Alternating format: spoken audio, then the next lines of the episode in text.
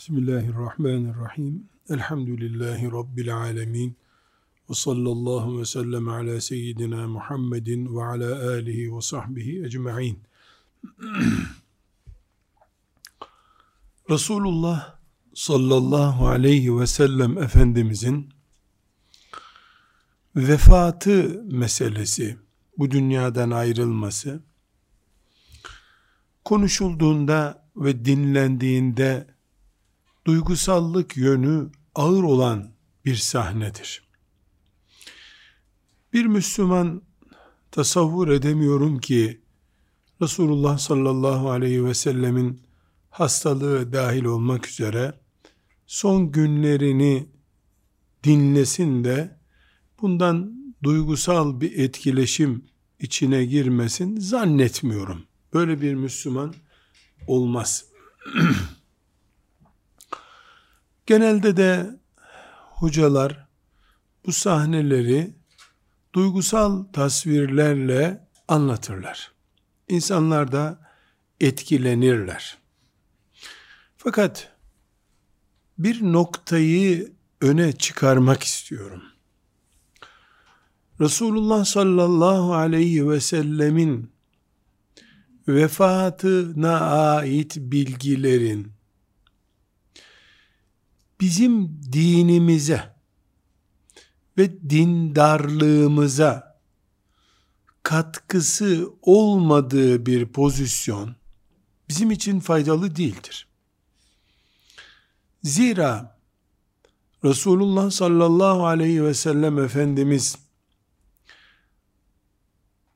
bizim peygamberimiz, örneğimiz ve kurtarıcımızdır onun yemek yiyişinden, uyuyuşundan, yürüyüşünden, konuşmasından, hayata ait her neyi varsa, o bizim cennetimize sebep olması durumunda bizim lehimizedir.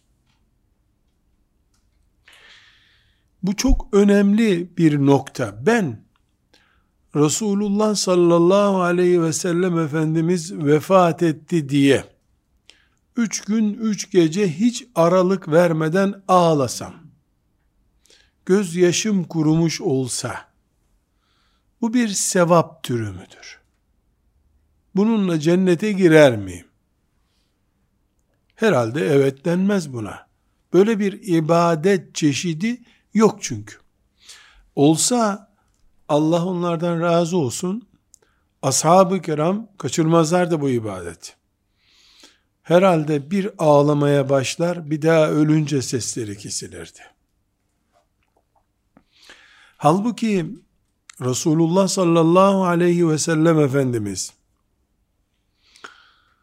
sizden herhangi birinin başına bir bela geldiğinde benim ölümümü hatırlasın. Çünkü benim ümmetimden bir insana benim ölümümden daha büyük bir facia gelmez hiçbir zaman. Buyuruyor. Bir mümin olarak bizim Resulullah sallallahu aleyhi ve sellem Efendimizin ölümüne ağlamamız başka şey, onu bu dünyadan kaybettiğimize ağlamamız başka bir şeydir. Biri herkesin yapacağı bir şeydir. Diğeri ise peygamberini aleyhissalatü vesselam bu hayatta var olmanın nedeni olarak gören anlayıştır. Onun içinde Resulullah sallallahu aleyhi ve sellem başınıza bir musibet geldiğinde benim yokluğumu hatırlayın diyor. Eğer gerçekten Müslüman, Peygamber sallallahu aleyhi ve sellemin ölümüyle ilgili bir hasreti söz konusu ise hiçbir olay Resulullah sallallahu aleyhi ve sellemin yokluğu kadar ağır değil onun için. Peygamber aleyhisselamın vefatı haberinde hele anlatan da duygusal anlatıyorsa gözyaşı akıtmak bir düzey elbette mümin dedik ya bunu e, tabii bir olay gibi karşılayacak hali yok. Hiçbir mümin böyle bakmaz. Ama hiçbir olayda Resulullah'ı kaybetmek kadar değil bu dünyada anlayışı sahabe anlayışıdır. Bizim davet edildiğimizde budur. Bu sebeple bir fani insan olarak Abdullah'ın oğlu Muhammed'in ölmesi başka bir şey aleyhissalatü vesselam benim peygamberimin benim yaşadığım bir dünyadan gitmiş olması başka bir şeydir. Biri ilkokul düzeyinde, öbürü de hayat okulu düzeyinde çok yüksek bir derece. Bu şüphesiz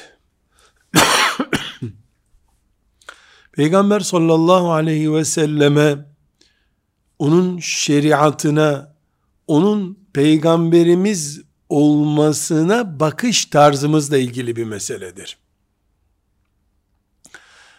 Müşrikler de onlardan önce vefat etseydi sallallahu aleyhi ve sellem iyi bir insan kaybettik diye üzülürlerdi herhalde.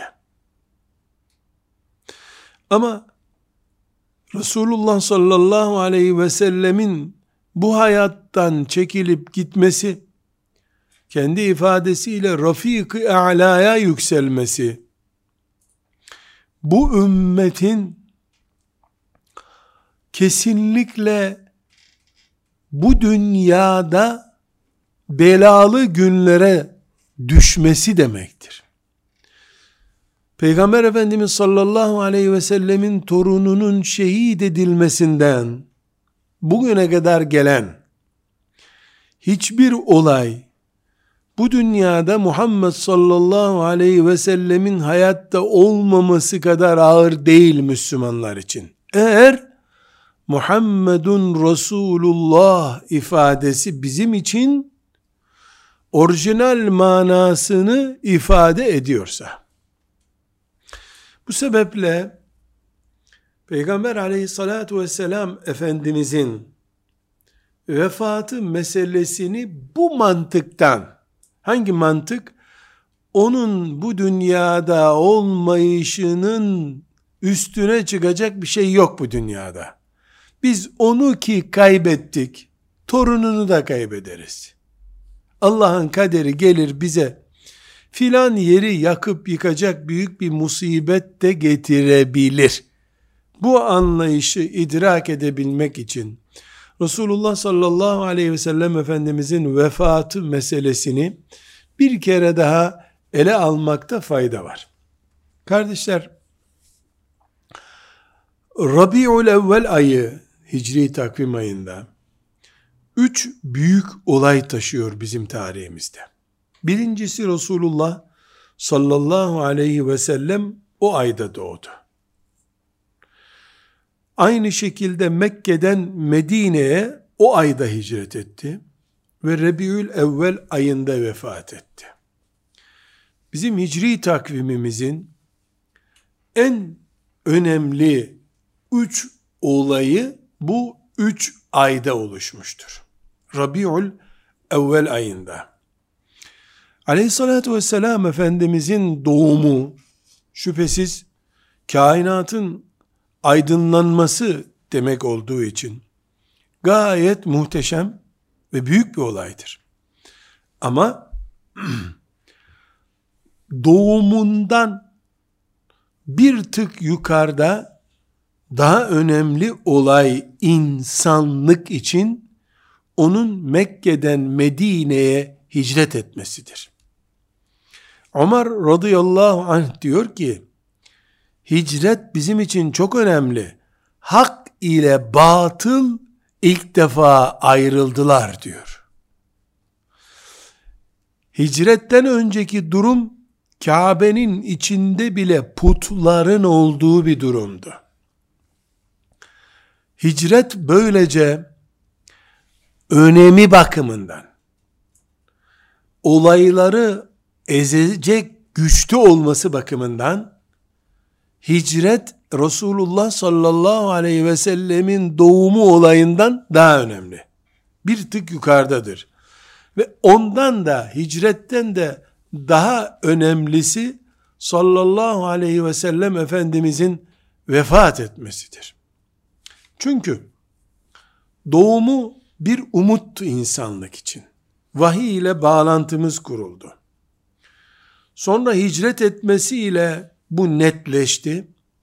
Vefat edince de insanlığın ebediyen bir daha vahiy ile bağlantı umudu kalmadı. Resulullah sallallahu aleyhi ve sellemi insanlığın kaybetmesi, insanlığın göklerle bağının sonsuza kadar kesilmesi demektir. Peygamberlik, nübüvvet açısından.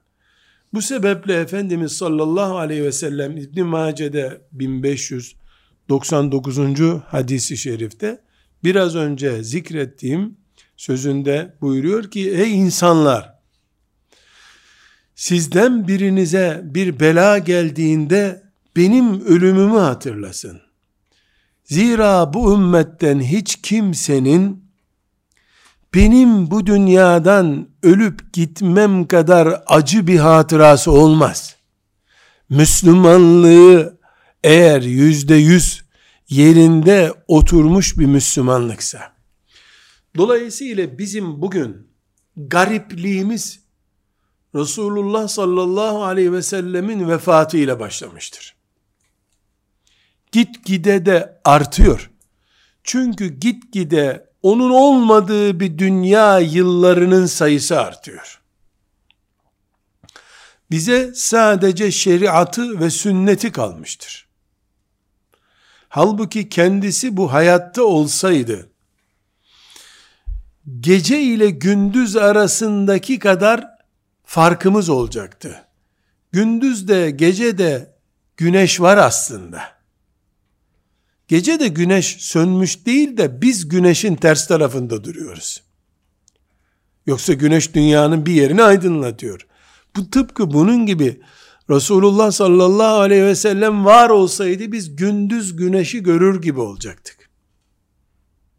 Yeryüzünün neresinde olursak olalım son sığınacağımız şey o olacaktı. Hiç kimse kalkıp filanca filancaya kafir diyor. Filanca filancanın Müslümanlığını kabul etmiyor diye onunla savaşamayacaktı. Son nokta oydu. Gidilip ona sorulacak, o kiminle savaşılır derse onunla savaşılacaktı. Kaybettiğimiz şey güneşin bize bakan yüzüdür. Evet o aydınlatmaya, şeriatı ve sünnetiyle aydınlatmaya devam ediyor ama bizim hayata bakan bahçelerimizi aydınlatmıyor artık. Bu sebeple sallallahu aleyhi ve sellem Efendimizin vefatı bizim için gerçek bir kayıptır. Bu kaybın bize bırakacağı iz, küsüp matem tutup bu dünyadan, Müslümanlıktan bırakıp gitmek değil elbette. Ama acısı büyük bir nesliz biz. Acımız çok büyüktür bizim. Bu acımızın büyüklüğünü derse ve ibrete dönüştüremediğimiz zaman Peygamber sallallahu aleyhi ve sellemin yokluğu bizim için dininden kayıp anlamına gelir. Biz dinden kaybederiz. Nefislerimizi öne çıkarırız. Biraz sonraki hadis-i şeriflerde bunu göreceğiz. İnşallah. Ne demek istediğim anlaşılacak. Çaremiz onu içimizde varmış gibi tutabilmektir. Bu bir mücadeledir. Burada bir noktayı e, izah etmek istiyorum. Resulullah sallallahu aleyhi ve sellem Efendimiz Mekke'de ve Medine'de canlı aralarında iken bazıları onun akrabası olduğu halde akrabalarından oldukları halde amcaları olduğu halde onun kıymetini bilemediler. Biz şimdi oturuyoruz da be bir Ebu Talip nasıl bilemezsin sen bu kıymeti ya üstelik de seviyorsun bu kadar diyoruz. Be Ebu Leheb be iş mi seninki ya ayağına kapanıp paspas olman gerekirken sen nasıl yeğenine böyle yaparsın? Bir de peygamber olduğunu inkar edersin diye hayret ediyoruz. Yani onun sağlığında bir kıymet bilip onun varlığını ebedi cennete dönüştüremeyenleri protesto ediyoruz ya içimizde. Kınıyoruz ya. Şimdi de bizim ve bizden önceki ve bizden sonraki onun vefatının akabinde olan nesillerin tamamının mücadelesi tıpkı onun sağlığında kıymet bilip bilmeyenlere benzeyen bir mücadeledir. Biz becerip o yok ama onu arayışımız ve izinden gidişimiz var oluyor olması lazım. Bizim imtihanımız da budur. Evet yokluğu bizim için hiçbir bela ile ölçülemeyecek kadar büyük bir acı. Ama buna rağmen o, bizzat o, beni görmedikleri halde izimi sürecek olan kardeşlerim diye bize farklı bir konum da açıyor bu arada. Biz senin kardeşlerin değil miyiz ya Resulallah sorusuna da ne cevap veriyor? Siz benim arkadaşlarımsınız. Günümde yaşıyorsunuz. Beni görmedikleri halde benim peşimden gelecek kardeşlerim var buyuruyor. Demek ki bizim sahabi olmadığımız halde yani Resulullah sallallahu aleyhi ve sellemi görme imkanımız olmadığı halde Müslümanlar olarak yaşama mücadelemiz onun şeriatını ve sünnetini sahiplenme mücadelemiz sıradan bir mücadele değil demek ki. Bu bir cihat türü. Hangi cihat türü? İçimizde olmadığı halde bedeniyle içinde olanların düzeyinde Müslümanlık yaşama mücadelesi. Gece mevsimine rağmen güneş batmış, hava kararmış olmasına rağmen güneşin peşinde dolaşabilen anlayış düzeyi. Bunu yakalayamadığımızda biz kıyamet günü yani bu mevsimde aleyhissalatü vesselam Efendimiz'i yakalayamazsak kıyamet günü onun akrabalarından oldukları halde yanı başında komşusu oldukları halde kıymetini bilemeyenlerle maalesef benzer acıları yaşayacağız. Onlar sağlığında onu ölü hale getirmişlerdi. Biz içimizde yaşaması mümkünken onu içimizde yaşatamadık olacak maazallah. Bu sebeple sünnettir diye sakal bırakmak, sünnettir diye misvak kullanmak, sünnettir diye umre yapmak, sünnetini anlayalım diye Riyazu Salihin okumak, okumasam bile zekatını bile versem evimde bir Bukhari şerif bulunsun demek. Yani onun sünnetine hasretimizi ve koşuşturmamızı yansıtan eylemlerimiz Allah'ın izniyle geceye rağmen güneşin ışıklarından istifade etmek kadar mübarek bir iş olacak bizim için. Burada küçük bir paragraf açıp kardeşlerim Efendimiz sallallahu aleyhi ve sellem vefatından önce ashabını vefatını hazırladı. Kur'an-ı Kerim'de zaten Zümer suresinin 30. ayeti, Enbiya suresinin 34-35. ayeti ve Nasr suresinde Resulullah sallallahu aleyhi ve sellemin gidici olduğunu haber verdi. Ama ashab-ı kiram buna hiç inanmak istemediler. Onun için bir pazartesi günü Resulullah sallallahu aleyhi ve sellemin vefatı haberiyle beraber Enes İbni Malik diyor ki kıyamet koptu zannettik diyor. Yani kıyamet koptu zannetmişler. O şekilde üzülmüşler, kahrolmuşlar. Yani ayetler onlara ölecek bu peygamber. İnneke meyyitun ve innehum meyyitun. Sen de onlar da hepiniz öleceksiniz. Buyurmuştu ayetler zaten. Bunu anlamışlardı. Mesela Muaz radıyallahu anh'ı Yemen'e gönderirken çok tatlı hatıra olarak çok güzel Ahmet bin Hanbel'in müsnedinde e, güzel bir hatıra bu. Yemen'e onu e, vali diyelim ya da müftü diyelim gönderiyor. Yemen'e davetçi olarak gönderiyor. E, Muaz İbni Cebel hayvanına binmiş yola gidiyor. Efendimiz sallallahu aleyhi ve sellem de e, yaya onu uğurluyor. O at, at hayvanın üzerinde Muaz. Efendimiz de yaya uğurluyor. Bir ara Medine'nin dışına doğru çıktıklarında e, Muaz'a buyurmuş ki sallallahu aleyhi ve sellem Muaz demiş. Seni gönderiyorum ama döndüğünde beni burada bulamayacaksın haberin olsun demiş. Muaz da Medine'ye doğru dönmüş. Yani bunun ben öleceğim sen gittikten sonra demek olduğunu anlamış. Çocuk gibi ağlamaya başlamış. Bunun üzerine Efendimiz sallallahu aleyhi ve sellem beni gerçekten sevenler nerede olursa olsun hiçbir zaman haramlara bulaşmayanlardır Muaz demiş. Yani ağlama Muaz görüşürüz cennette filan yerine beni seviyorsan Muaz haramlardan uzak yaşa buyurmuş. Sallallahu aleyhi ve sellem Efendimiz. Demek ki yani bu sahnede herhalde Muaz'ı gönderirken belki 100 tane 200 tane de sahabi vardı orada.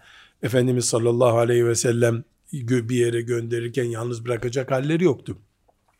Son senesinde Efendimiz sallallahu aleyhi ve sellemin yani 10. senede e, Kur'an-ı Kerim'i Cebrail ile iki defa hatmettiklerini ashab-ı kiram öğrendiler. Aynı şekilde o sene farklı bir şekilde 20 gün itikaf tuttu Efendimiz sallallahu aleyhi ve sellem. Bunu anladılar. Yani bir işaretler geldi ölümle ilgili. Veda haccında 10. senede yaptığı veda haccında e, çok açık bir şekilde ey insanlar bugünden sonra bir daha sizinle burada olacağımı zannetmiyorum dedi. Bunu ashab-ı kiram duydular. Benden bu haccı çok iyi öğrenin bir daha sizi bunu öğretme imkanım olmaz buyurdu.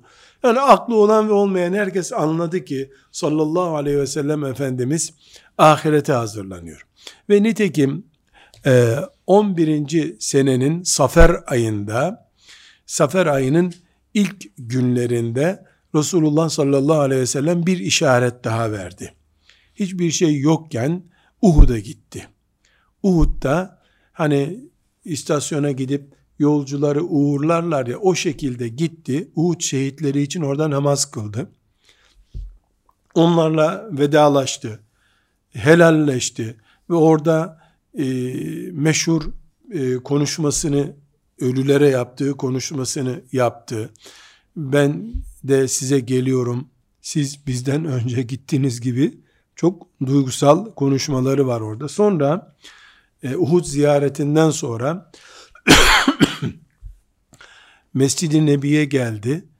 E, o duygusallıkla orada Bukhari ve Müslim'de rivayet edilen meşhur konuşmasını yaptı. Buyurdu ki bakın ben sizden önce gidiyorum ve sizi bekleyeceğim. Sizin şahitleriniz olacağım. E, ve şu anda havzımı görüyor gibiyim. Hani havzu Kevser dedim. Havzımı görüyor gibiyim. E, sizinle orada buluşmak istiyorum. Ama ashabım benden sonra müşrik olursunuz da Havz-ı Kevser'de buluşamayız diye bir korkum yok da benden sonra birbirinize düşerseniz de orada buluşamayız diye korkum var haberiniz olsun buyurdu. Uhud ziyaretinden döndükten sonra bu e, Bukhari'de 1344. hadis, Müslim'de 2296. hadisi şerif. Bunların hepsini ashab-ı kiram kulaklarıyla dinlediler. Ama tekrar bir konuya dönüyoruz. Ben gittikten sonra müşrik olursunuz diye korkmuyorum diyor.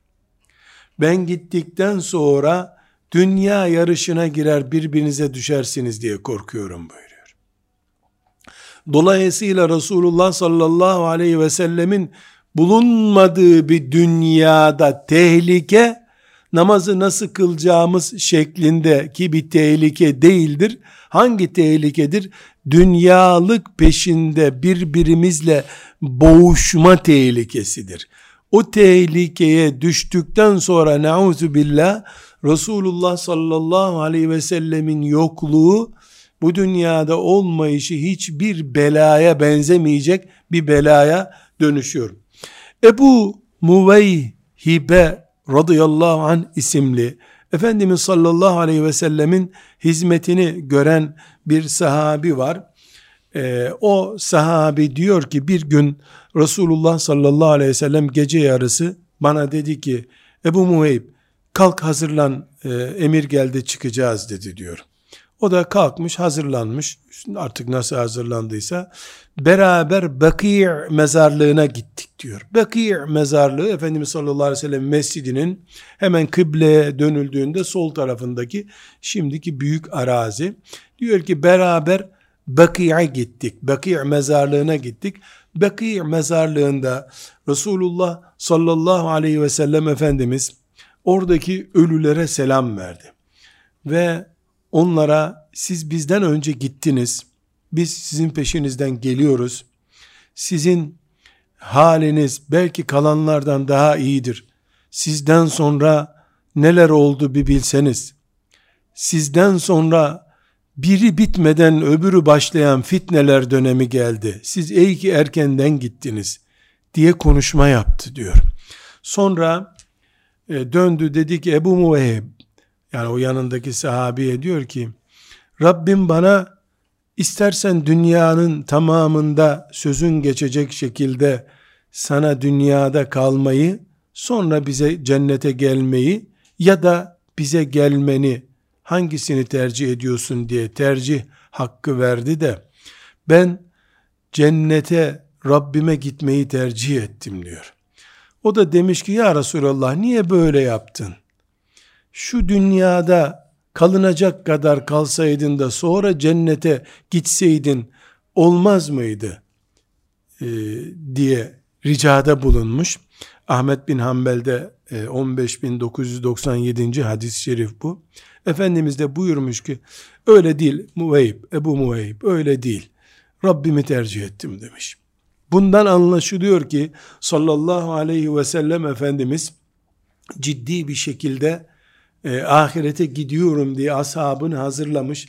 Hatta Ebu Muveyb radıyallahu anh diyor ki biz o gece Bakiye'den döndükten sonra Resulullah sallallahu aleyhi ve sellemin ağrıları başladı. E, hastalığı başladı. Bir daha da düzelmedi diyor. Sonra yine bu e, Baki ziyaretinden sonra e, bir gün aleyhissalatü vesselam Efendimiz eve geliyor. Evde Ayşe annemizle e, ciddi bir e, İbn-i Maci'de yine rivayet edilen bir hadis. Başka hadislerde de var. Temel hadis kitaplarını naklediyorum. E, içeri giriyor. Ah başım, ah başım gibi cümle kullanıyor. Efendimiz sallallahu aleyhi ve sellem böyle diyor. Ayşe anamız da o arada başım ağrıyor, başım ağrıyor diyor. Bu e, bu latife böyle bir başım ağrıyor sözünde Efendimiz sallallahu aleyhi ve sellem buyur ki Ayşe diyor sen benden önce ölsen ne mutlu sana diyor. Senin cenazeni yıkatırım, hazırlarım, duanı yapar, seni gönderirim, kurtulursun. Ama ben gidersem, sen beni nasıl hazırlayacaksın? Manasında Efendimiz sallallahu aleyhi ve sellem Ayşe annemizle böyle bir görüşme yapıyor. Bunların hepsinden anlaşılıyor ki sallallahu aleyhi ve sellem ashabına yaklaşık olarak iki ay öncesinden gidiyorum demiş.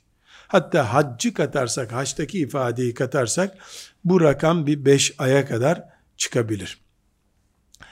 Burada e, biz duygusal yönünden ziyade bir cümleyi öne çıkarmak istiyoruz. Ben ölümümden sonra sizin müşrik olmanızdan yani İslam'ın silinip gitmesinden korkmuyorum da dünya etrafında dönen Müslümanlar olmanızdan korkuyorum diyor ya. Peygamber sallallahu aleyhi ve sellemin ölümünün faturası odur işte. Devlet malından yiyip içmek için uğraşmak, Müslümanların helal haram aramadan mal edinme mücadelesine düşmeleri, peygamberin ölümü odur aslında. Aksi takdirde biz yani güneşi görmüyor olsak bile Ağustos ayındaysak eğer gecede terletiyor bizi güneş zaten. Onun toprağı ısıtması sabaha kadar bizim için yetiyor. Klimasız duramıyoruz.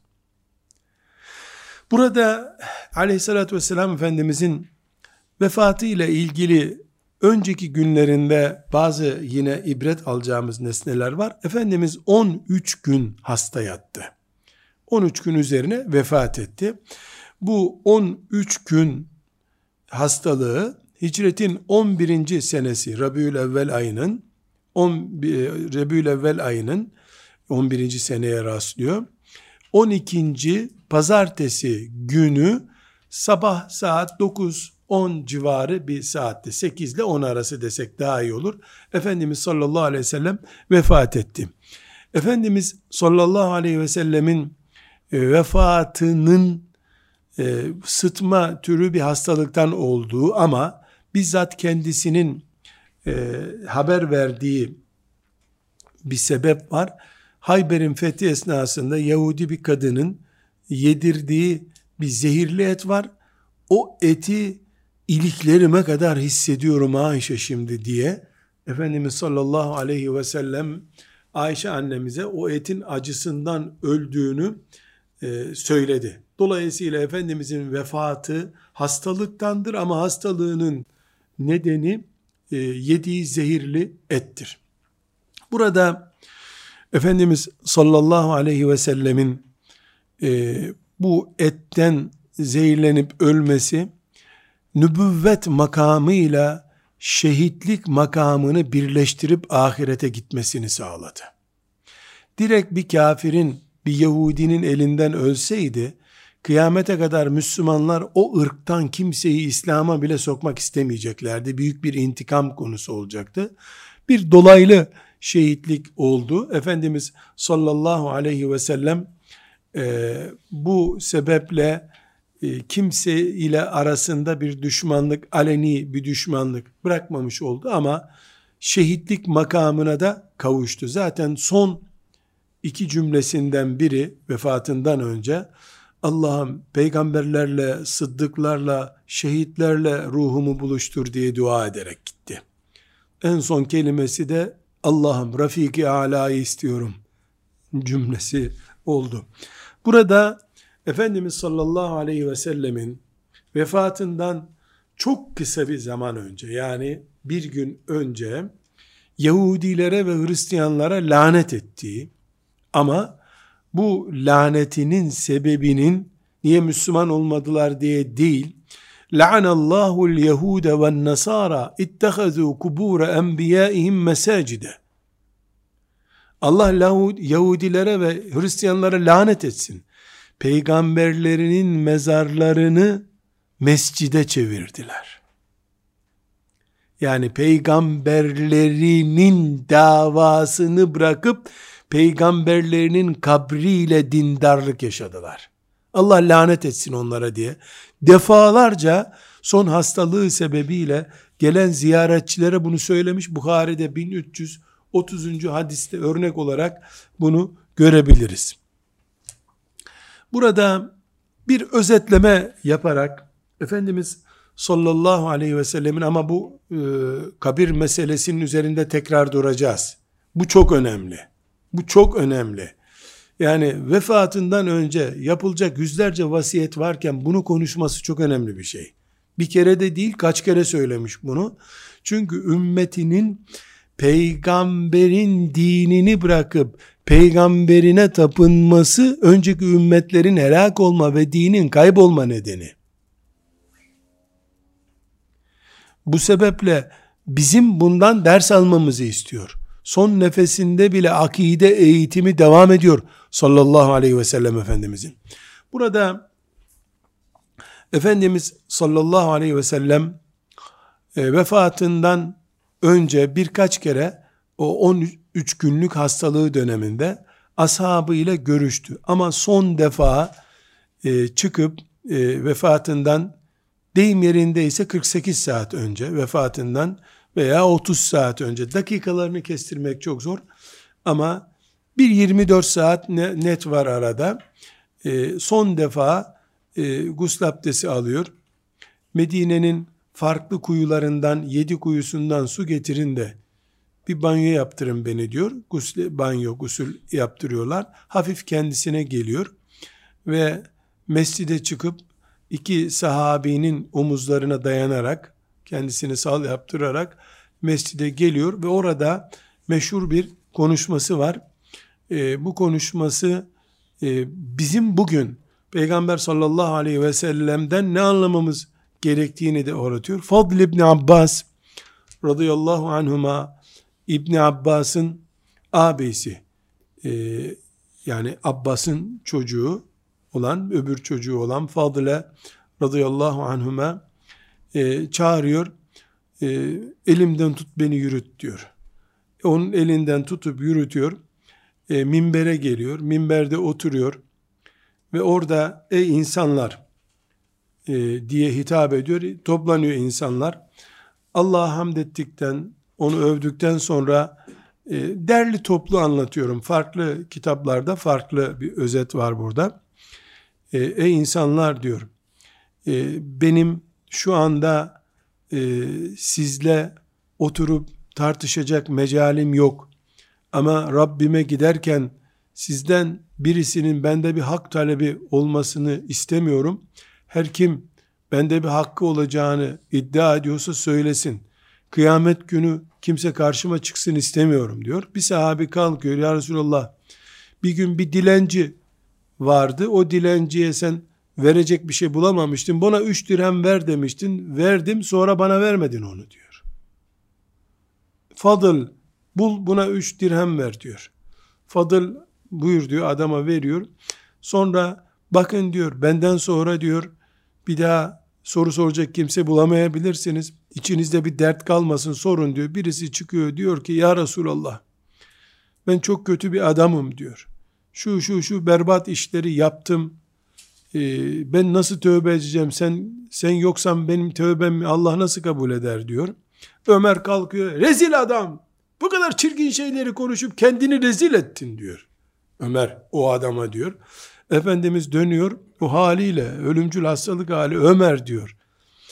Ahiret rezilliği daha fena buradakinden zarar yok diyor. Ee, dönüyor o zat için Allah'ım bunun tövbesini kabul et diyor. Başka bir sahabi kalkıyor ya Resulallah diyor. Çok uyuyorum diyor ya çok uyuyorum ben ne edeceğim diyor. O kalkıyor ya Rabbi bunun dua uykusunu hafiflet diyor. Gafletle geçmesin günleri diyor. Böyle bir e, konuşma oluyor. Sonra inip öğle namazını kıldırıyor. Öğle namazından sonra tekrar minbere çıkıyor. Minberde tekrar bakın insanlar diyor. Ben buradayım diyor. Kimseye eziyet ettiysem gelsin o eziyetinin karşılığında benden istesin. Kıyamet günü benden hak istemeyin sonra diyor. E, o meşhur sahabinin biri ya Resulallah bana bir sopayla vurmuştun olayı orada gerçekleşiyor. Her halükarda bu şekilde Efendimiz sallallahu aleyhi ve sellem insanlarla birebir helalleşerek ayrılıyor. Ve sonra Efendimiz sallallahu aleyhi ve sellem topluca şöyle bir dua yapıyor. Allah'ım diyor.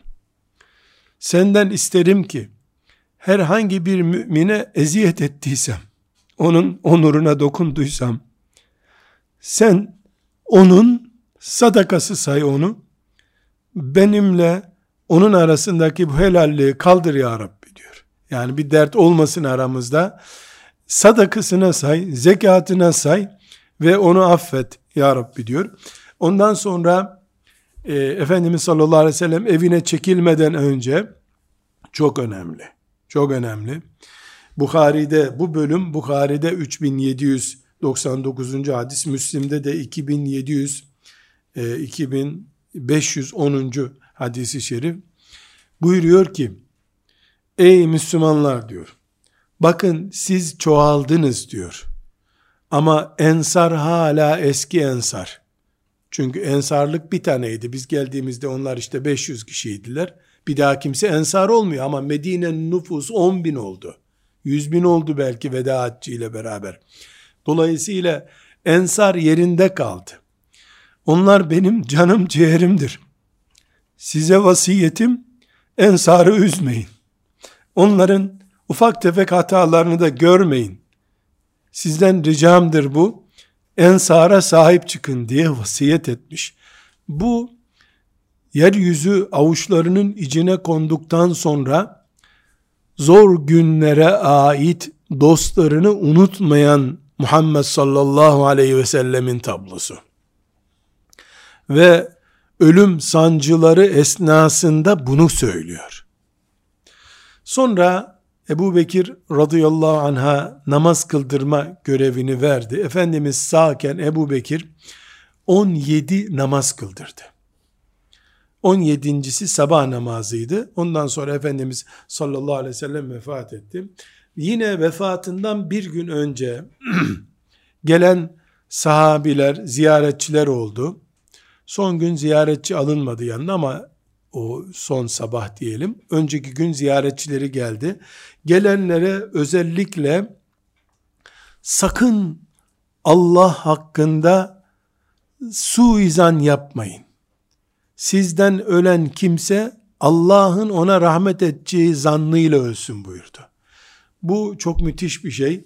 Yani oradakilerin ciddi bir şekilde e, üzüldüklerini, yani peygamberimize ne olacak düşündüklerini anlayınca kendisini bıraktı. Allah hakkında hüsnü zan besleyin. Allah bana rahmet eder umudunuz olsun diye buyurdu. Son gün, son 20 saatinde kendisine bağlı olan e, Ebu Muveyhibe biraz önce söylediğimiz gibi bütün kölelerini azat etti. Ve elinde, avucunda, evinde ne varsa Allah için bunları infak edin, evde bir şey kalmasın buyurdu kılıç ve mızrağı vardı, silahları vardı. Onları da Müslümanlara hatıram olsun diye Müslümanlara mal etti. Bu dünyada hiçbir şeyi yok olarak gitti Rabbine. Hiçbir şey, sıfır malla gitti. Bu Efendimiz sallallahu aleyhi ve sellemin son uygulamalarıdır. Üç şey, kölelerini azat etti, hiçbir mal bırakmadı, hepsini sadaka verdi ve silahlarını Müslümanlara hatıra olarak bıraktı. O silahların ne olduğunu hala Bilmiyoruz tabii kim bilir nerede kayboldu. E, Efendimiz sallallahu aleyhi ve sellemi son gören sahabiye en son sözü aman namaza dikkat edin. Elinizin altında çalıştırdıklarınıza dikkat edin oldu. Namaz ve kul hakkı bu dünyada bir insana hitap dua hariç dualarını konuşacağız. Dua hariç bir insana söylediği son söz namaz ve kul hakkı sözüdür. Aman elinizin altındakilere dikkat edin, haklarını yemeyin, aman namaza dikkat edin buyurdu ve hiçbir insan ondan bir daha bir şey duymadı. Son sözü bu oldu ve en son sabah namazı kılınırken, en son vefat ettiği pazartesi gününün sabah namazı kılınırken perdesini kaldırdı. E, perdesini kaldırınca ashabı namaza yeni durmuşlardı. Hatta ashab-ı kiramın arkada olanları onun perdede baktığını gördüler. Çok aydınlık ve e, mütebessim bir çehreyle baktığı için iyileşti diye sevindiler. Ebu Bekir'e işaretler yaptılar böyle. Yani geliyor Resulullah sallallahu aleyhi ve sellem geri çık diye. O da eliyle işaret etti. Yani yok gelemiyorum diye. En son ashabını o şekilde gördü. Ashabı da onu bir namaz kılarken göz kaçımağı yaparak ancak görebildiler. Ve son dakikaları Ayşe anamızın dizi üzerinde geçti. Daha önce de zaten diğer hanımlarından izin istedi. Bunu da bütün erkekler duymuş olsunlar. İzin verirseniz Ayşe'nin evinde kalmak istiyorum dedi. Onlar da zaten hasta rahatsız olduğu için e, hiçbir şey demedikleri gibi onun ricasını hiçbir zaman da kırmıyorlardı. Ayşe annemizin evinde kaldı. E, vefat edeceği zaman da e, yanına oturmasını emretti Ayşe annemizin. E, mübarek başını Ayşe anamızın dizine koydu. E, dudaklarıyla, gözleriyle işaret etti çünkü konuşamaz hale geldi. Misvak istediğini anladı Ayşe annemiz. Misvakını Ayşe annemiz ona e, dişlerine koydu. Sonra sert olduğunu anlayınca misvakın dişimde yumuşatayım mı diye Ayşe anamız işaret etti. Artık konuşma süreci bitmiş son 10 dakika belki. Bu e, esnada Ayşe annemiz anlamış öyle olduğunu alıp kendi ağzıyla misvanı e, yumuşattıktan sonra onun dişlerini misvaklamış. Ayşe anamız bununla hep iftihar ederdi. Başı dizimin üstündeydi. Tükürüğü tükürüğüme, tükürüğüm tükürüğüne değmişti buyurur. Sallallahu aleyhi ve sellem. Yani bu manada böyle bir ifadesi var. Aynısını benim ifade etmem zor. Bu arada Efendimiz sallallahu aleyhi ve sellem e, son e, cümlesi ma'allezine en'amallahu aleyhim minen nebiyyine ve sıddikine ve şühedai ve salihin Allahümme gfirli verhamni ve elhikni bir rafikil a'la Allahümme rafikil a'la olmuş ve gözlerini kapatmış. Sallallahu aleyhi ve sellem Efendimizin yani o son cümlesinde Allah'ım peygamberlerle, sıddıklarla, şehitlerle, salihlerle olmak istiyorum. Allah'ım beni mağfiret et, bana rahmet et ve beni Rafik A'la'ya yükselt, Rafik A'la'ya yükselt diye dua etmiş. Rafik A'la bizzat Allah demek esasen. Yani Er Rafik A'la yüce dost demek. Yüce dostu kim onun? Allah. Ama melekler anlamına da geliyor. Oradaki peygamberler anlamına da geliyor. Cennet anlamına da geliyor.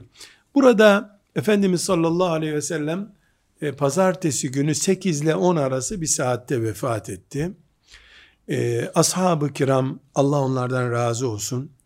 Efendimiz sallallahu aleyhi ve sellemin cenazesini o gün kılmadılar. Çarşamba gecesi kıldılar. Yani pazartesi kaldı, salı kaldı. Salı günü gece yani çarşamba gecesi olduğu gün kıldılar. Yaklaşık olarak 48 saate yakın bir zaman aleyhissalatü vesselam Efendimizin cenazesi bekletildi. Ve hiçbir Müslümanda olmayacak bir şekilde cenazesi bir imamsız kılındı. Ve öldüğü yerin santimetrik aynı yerine gömüldü. Bu şekilde bir uygulama oldu. Bu bekletilme sünnete aykırıdır. Çünkü Müslümanın cenazesi bekletilirse çürür, kokar, Müslümana hakaret olur diye bekletilmez. Efendimiz sallallahu aleyhi ve sellemin cesedi için, mübarek cesedi için böyle bir tehlike olmadığından bekletildi. Ee, Ali radıyallahu anh ve Fal ve diğer akrabaları Efendimiz sallallahu aleyhi ve sellemin yakınları cenazesini kıldırıp e, cenazesini yıkayıp kefenlediler. Efendimiz sallallahu aleyhi ve sellemin üzerindeki elbiseler çıkarılmadan cenazesi yıkandı. Mübarek bedenini hiçbir sahabi e, görmeye cesaret edemedikleri gibi görmenin uygun olmayacağını da e, hissettiler.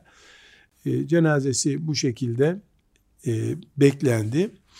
E, binlerce, on binlerce belki sahabi grup grup cenazesini kıldılar.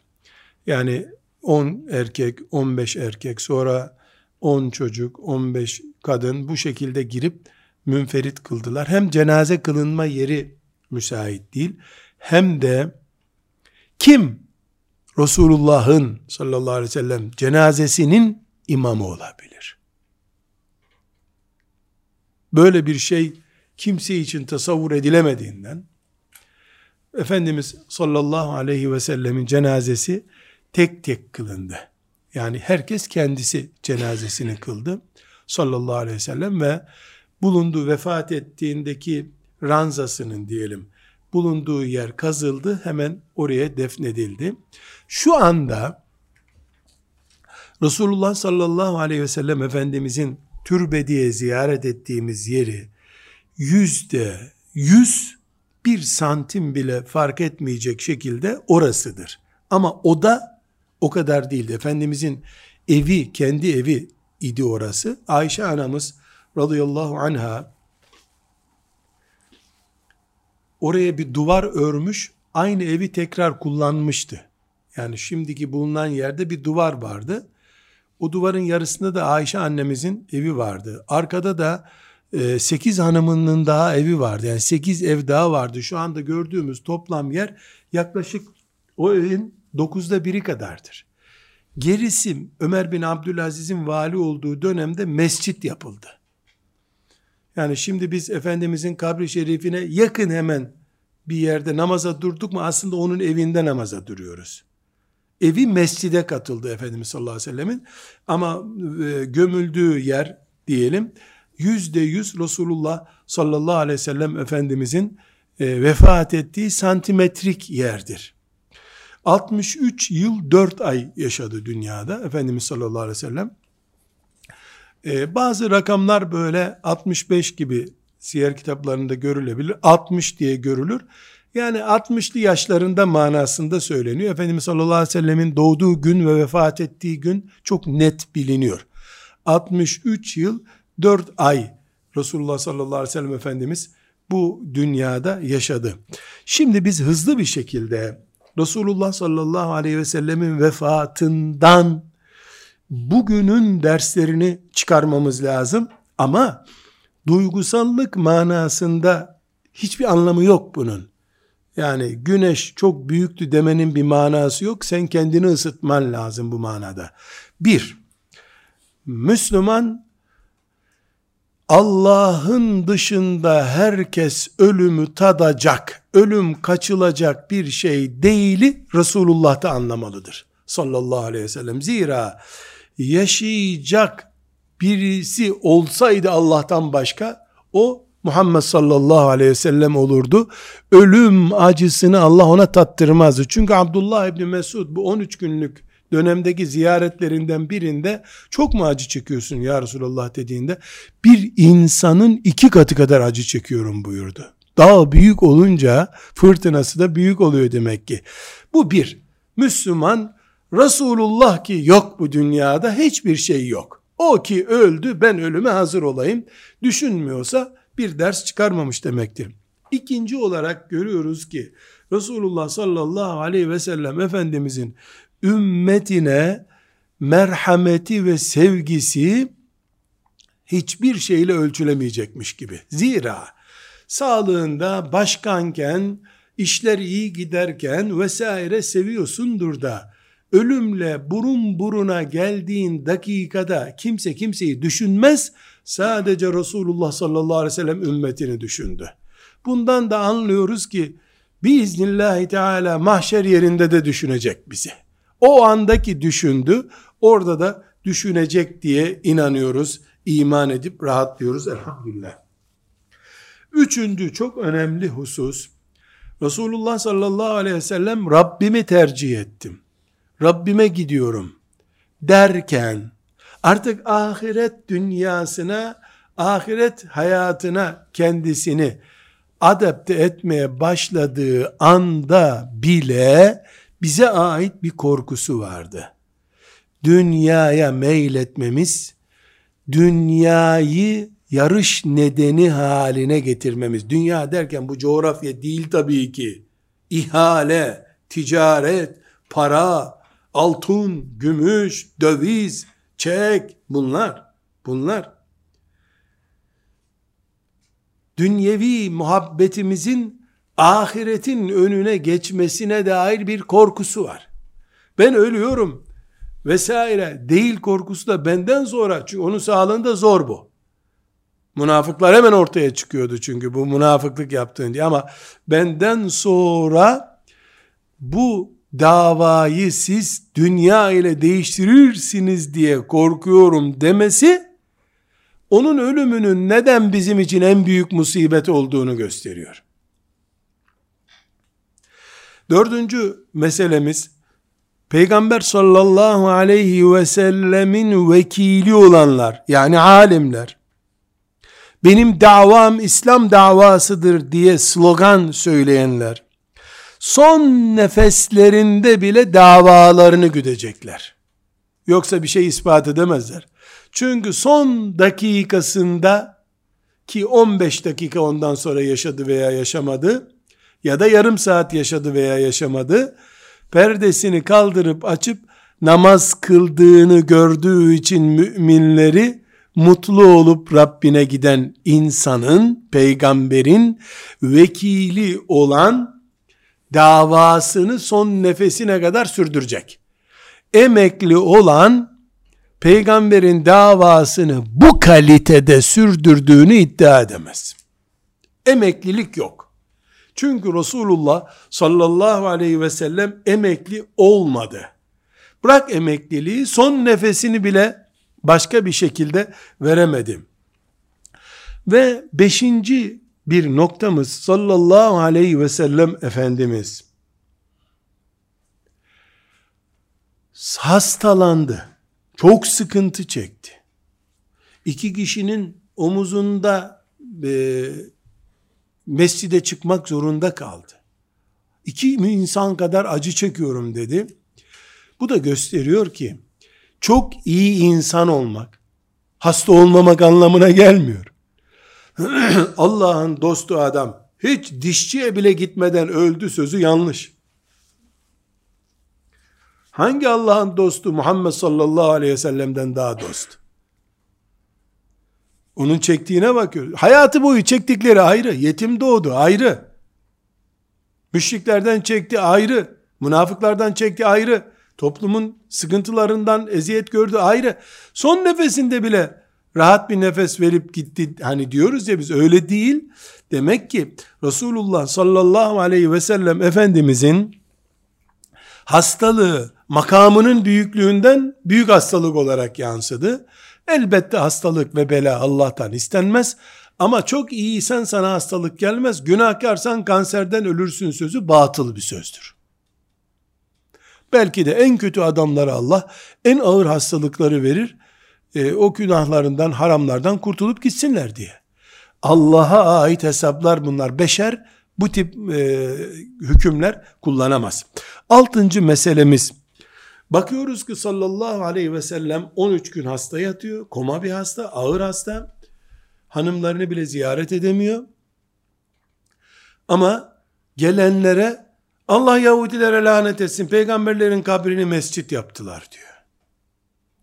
Peygamberlerin kabirlerini bayram yerine çevirdiler diyor. Sakın siz öyle yapmayın ha buyuruyor. Bu neyi gösteriyor? Davasını kendinden daha üstün tuttuğunu gösteriyor. Bu ümmetin akidesi budur. Onun için Ebu Bekir radıyallahu anh bu nasihatleri dinleyen biri olduğu için Ebu Bekir sallallahu aleyhi ve sellem Efendimizin naaşını orada bıraktı da ümmetin liderini seçti önce. Duygusallıkla değil gerçekle ilgilendi. Bu çok önemli bir nokta. Şimdi gidip sallallahu aleyhi ve sellem Efendimizin kabri şerifi başında saatlerce güya matemler tutup ağlayıp selamlar, muhabbetler, ya Resulallah tweetler getirdim sana filan böyle diyenler. Hiçbir ciddi özrü olmadığı halde onun sakalını bile orada bırakıp gelmeyi düşünmeden geri geliyorlar ya işte bu bayram yerine çevirme hastalığı. Önceki peygamberlerin dinleri böyle eridi. Peygamber hep büyük kaldı, din büyümedi. Tıpkı şimdi vakıfların, cemaatlerin büyüyüp dinin büyümediği sahne gibi maazallah. Ve yedinci meselemiz yani veda konuşması yaparken ensar da orada, muhacirler de orada, bütün Müslümanlar orada. Bu ensarın hakkını veremedik ya. Bunlar benim canım ciğerim. Bunlara iyi davranın. Bir de bir peygamber olarak diyor ki bunların hatalarını görmezden gelin diyor. Çünkü iyilik yaparak e, bir herhangi bir şekilde karşılığını veremeyeceğini düşünüyor. Yani ne vereceğim? Beşer dönüm arazi mi vereceksin Medine'de? Ne işe yarayacak? Bu müthiş bir vefa duygusu. Ebu Bekir radıyallahu anh'ın seçilmesinde vekil olarak Ebu Bekir'e söyleyin namaz kıldırsın diyor. Efendimiz buyuruyor. Ayşe anamız diyor ki ya Resulallah o ağlar durur şimdi namazda kıldıramaz diyor. Ebu Bekir'e söyleyin namaz kıldırsın diyor. Ebu Bekir'den başkasını mihraba geçirmiyor. Mihrap onun için siyasetin de merkezi zaten. Ebu Bekir'in o cenaze günkü tavrından da anlıyoruz ki kesinlikle e, seçerken Resulullah sallallahu aleyhi ve sellem çok iyi adam seçmiş. Adamını seçmiş yani. Ebu Bekir bir başka. Mesela o gün Ömer olsaydı mihrapta peygamber öldü diye öldürürüm deyip belki bin kişi öldürecekti o gün. O olgunluğa Ömer henüz belki gelmemişti o zaman. Yani bu e, Resulullah sallallahu aleyhi ve sellemin ilk dört adamını, on adamını, sonra da Bedir adamlarını, sonra da ashabının tamamını sahiplenmesindeki hikmeti gösteriyor. İbret alan için tabi. Ve dokuzuncu meselemiz e, son 24 saatindeki vasiyeti Allah hakkında hüsnü zan besleyerek ölün ha sakın başka türlü ölmeyin sözü de Müslümanların yegane umut kapısının Allah olduğunu ve son dakikaya kadar bu umudu asla kaybetmemek gerektiğini ders olarak e, gösteriyor. Burada e, bir 10. meselemiz de Efendimiz sallallahu aleyhi ve sellemin Ayşe annemizi bu kadar sevme nedeni e, üzerinde durmamızı gerektiriyor. E, Ayşe annemizin yanında ölmek istiyor. Ayşe annemizin dizinin üstüne başını koymak istiyor. Tükürüğü onun tükürüğüne değecek şekilde misvanı dişlerine sürdürmek istiyor vesaire. Elbette bunu kalkıp da basit bir aşk gibi yorumlamak terbiyesizliğin daha en üstü olur. Böyle bir şey düşünemez Müslüman. Ama burada iki büyük şey düşünmek lazım. Ebu Bekir'i o hale getirince kızı bu halde oluyor. Bunu da söylüyor başka bir yerde zaten. Ebu Bekir bir başka. Onun kızı dünya bir tanesi oluyor o zaman. İkinci olarak da bu dini bir bilgisayar kafası gibi, hard disk gibi taşıyacak zeki bir kadın olarak ona Ayşe lazımdı. Son günde de Ayşe'yi radıyallahu anha dizinin üstüne başını, mübarek başını koyarak öne çıkarıp böylece Ayşe'den insanların din öğrenmesini daha güçlü hale getirdi. Binlerce hikmet olur ayrı bir mesele. Ve 11. son noktamız hepimizin dikkatini çekmesi gerekiyor. Herkesin ona can sana kurban ya Resulallah. Anam, babam sana kurban olsun ya Resulallah. Dediği bir ortamda o bir hakkı olan var mı bende? Bir hakkı olan var mı bende? Rabbime ben temiz gitmek istiyorum diyerek gitti. Kul hakkı. Kul hakkı. Kim bu dünyada Muhammed sallallahu aleyhi ve sellem'de hakkın var diyebilir ki? Nedir hakkın senin? 10 ton hurma, sana bin ton hurma olsun, çek git buradan diyecek ona ashab-ı kiram. Mesele o değil. Örneklik meselesi. Örneklik meselesi. Bilhassa kamusal alanda iş yapanlar. Bu helallik konusuna çok dikkat etmelidirler. Eğer Resulullah sallallahu aleyhi ve sellemi peygamberleri olarak gözlerinin önünde görüyorlarsa. Ama herkes şüphesiz sadece memurlar kamusal hakka e, temas edenler değil. Herkes için geçerli bu. Ve sallallahu ve sellem ala seyyidina Muhammed ve ala alihi ve sahbihi ecma'in velhamdülillahi rabbil alemin.